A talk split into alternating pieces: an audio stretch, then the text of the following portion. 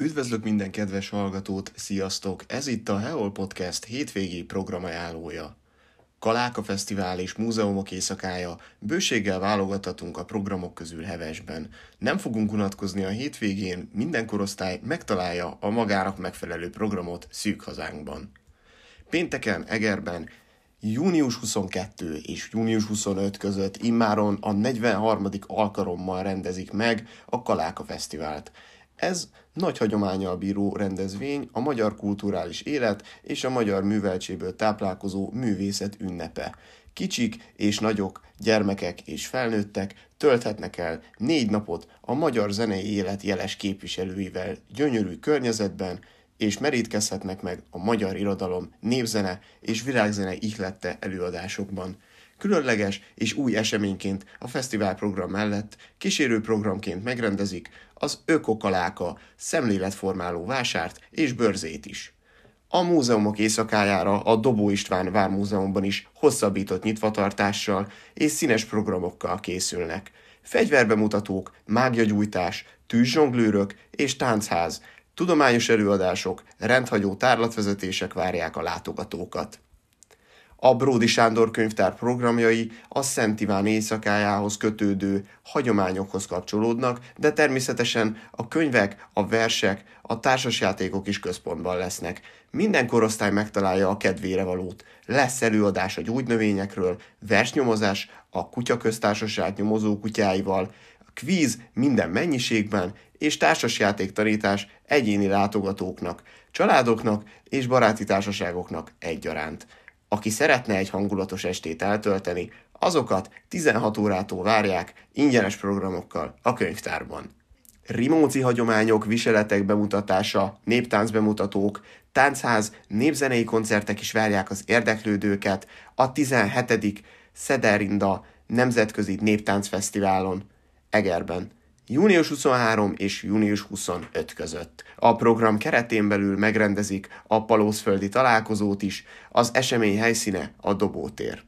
Felsőtárkányban ismét megrendezik a Babamama klubot, amely nagyjából a faluház megnyitásával egy időben jött létre, így 2023-ban már több mint 10 éve működik. A klub fő célja, hogy a településen élő legifjabb gyerekeknek és szüleiknek találkozási lehetőséget és tartalmas programokat kínáljon. Kezdés 17 órától.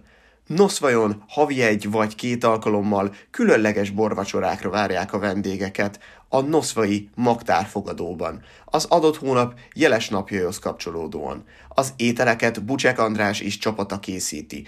Ezúttal július 23-án lesz lehetőség finomabbnál finomabb ételek és borok kóstolására.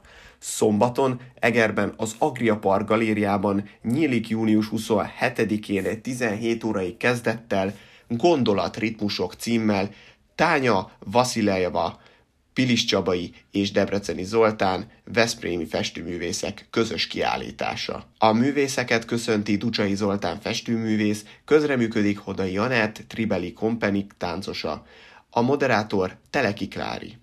Poroszlón az év egyik kiemelkedő poroszlói rendezvénye a Kakas Szépségverseny és Bográs Fesztivál lesz. Főzőversennyel, kirakodóvásárral és vidám hangulattal várják az érdeklődőket a rendezvénytéren. Nagykökényesen ismét megrendezik a falunapot, lesz főzőverseny, ugrálóvár, Harry Potter vetélkedő, tűzvarássó, diszkó és Zámbó Jimmy emlékkoncert is. Kezdés 14 órától. Petőfi bányán a Lőrinci Pitypang Darts Club június 24-én 10 órai kezdettel rendezi jubileumi 50. versenyét. A verseny helyszíne a Petőfi bányai művelődési ház lesz. Demjénben is Szent Ivánéi programokkal várják az érdeklődőket. Kezdés 17 órától, egyebek mellett lesznek kézműves foglalkozások, makramé szakkör és mesterségbemutató is. Aldebrőn az évek óta hagyományosan megrendezett Dereje Fesztivál különleges gasztronómiai és kulturális élményt nyújt az Aldebrőre látogatóknak.